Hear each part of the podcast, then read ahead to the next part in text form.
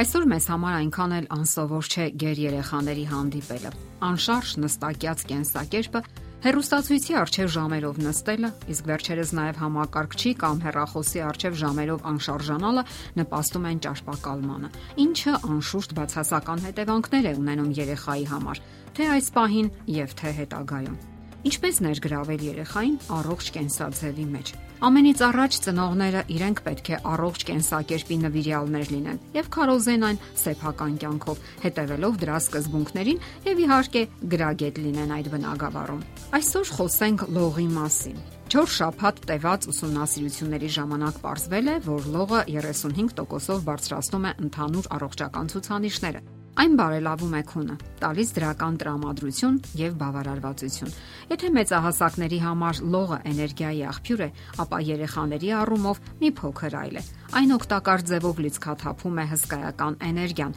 որն այլ դեպքում սխալ կիրառություն պետք է գտներ։ Շաբաթական մի քանի անգամ լողավազան հաճախելը եւ լողալը բավական է դրական արդյունքները զգալու համար։ Միննեսոթայի համալսարանի աշխատակիցները իրենց հերթին ողրզել են, որ երիտասարդ ժամանակ ցանկացած այրոբ ծանրաբեռնվածություն օգնում է պահպանելու ուղեղը հասուն տարիքում։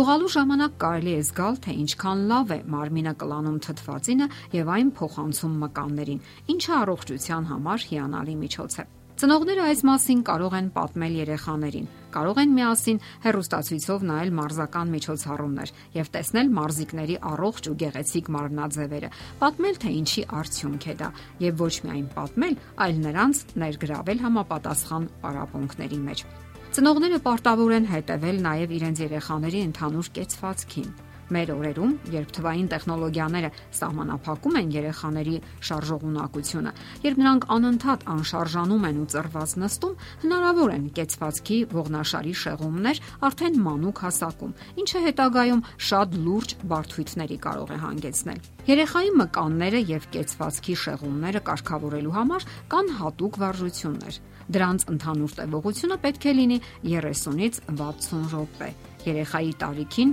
ֆիզիկական կառուցվածքին, նախասիրությանը համապատասխան։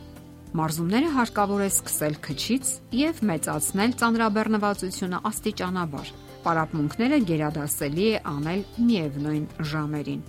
Հարկավոր է սկսել ուտելուց 1-2 ժամ հետո, եւ վերջացնել ոչ ուշ, քան ուտելուց 1 ժամ առաջ։ Նաեւ պետք է խուսափել ուշ ժամերին ֆիզիկական ակտիվ վարժություններ կատարելուց, որpիսի դրանք չխանգարեն քնին։ Յուրաքանչյուր վարժություն պետք է կրկնել 3-ից 10 անգամ։ Փոքրիկ ընդմիջումների ընթացքում պետք է կատարել շնչառական վարժություններ, ինչպես նաեւ թուլացնող վարժություններ։ Հիշենք նաև, որ պարապմունքները պետք է դուր գան երեխային, որpիսի նա ամեն ինչ անի հաճույքով։ Ավելի կրտսեր տարիքի երեխաների հետ մարզումները հարկավոր է անցկացնել խաղերի տեսքով, եւ ծնողները նույնպես պետք է մասնակցեն այդ խաղ վարժություններին։ Դեռահասները արդեն կարող են ինքնուրույն կատարել վարժությունները։ Ձգտեք խրախուսել երեխայի փոքրիկ հաջողությունները անգամ մարզումների ժամանակ։ Գրառեք դրանք, եթե արկա են առաջընթացներ։ Նշեք, ապա միասին նայեք այդ գրառումները։ Դա կխթանի երեխային, կողքեշնչի, դրթելով, որ նա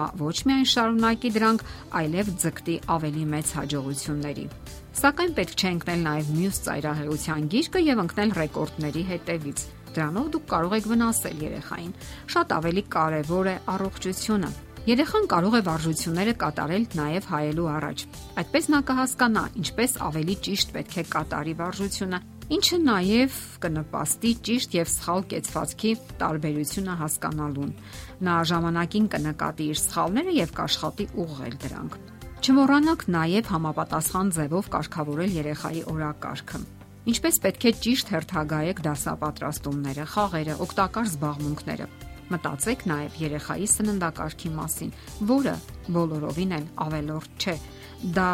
նույնիսկ շատ կարևոր է։ Դասի գնալուց առաջ երեխան անպայման պետք է նախաճաշի։ Նախաճաշը պետք է կազմված լինի օգտակար սննդատեսակներից։ Այն իր մեջ պետք է ներառի շիլաներ, մրգեր կամ բանջարեղեն։ Կտրականապես խուսափեք ֆաստ ֆուդ երևույթից։ Դրանց մեջ շատ քիչ առողջարար բան կա Ձգտեք նաև, որ երեխաները դպրոցում եւս խուսափեն այդ անօգտակար եւ վնասակար սննդից։ մոռացեք նաև գազավորված հեղուկների մասին։ Չմոռանանք, որ արագ սննդի կետերում չեն մտածում մեր առողջության մասին։ Եվ հաշվի առեք, ավելի լավ ֆաստ ֆուդ, քան օրինակ բանանը, խուրման, ընկուզեղենն են, պարզապես գոյություն չունի։ Ավելի լավ ֆաստ ֆուդ, քան օրինակ բանանն է, խուրման, ընկուզեղենը, պարզապես գոյություն չունի։ Դրանք եւ հարմար են դասամիջոցներին ուտելու համար եւ շատ համեղ են։ Չգիտես ինչու ընդունված է, որ որոշ օգտակար սննդատեսակներ օգտագործում են միայն տոնական օրերին։ Սիրելի ծնողներ, լրջորեն զբաղվեք ձեր երեխաներով։ Նրանք արագ են մեծանում եւ որոշ անառողջ սովորություններ այդպես էլ մնում են նրանց կենսաձևի մեջ եւ ի վերջո հանգեցնում հիվանդությունների։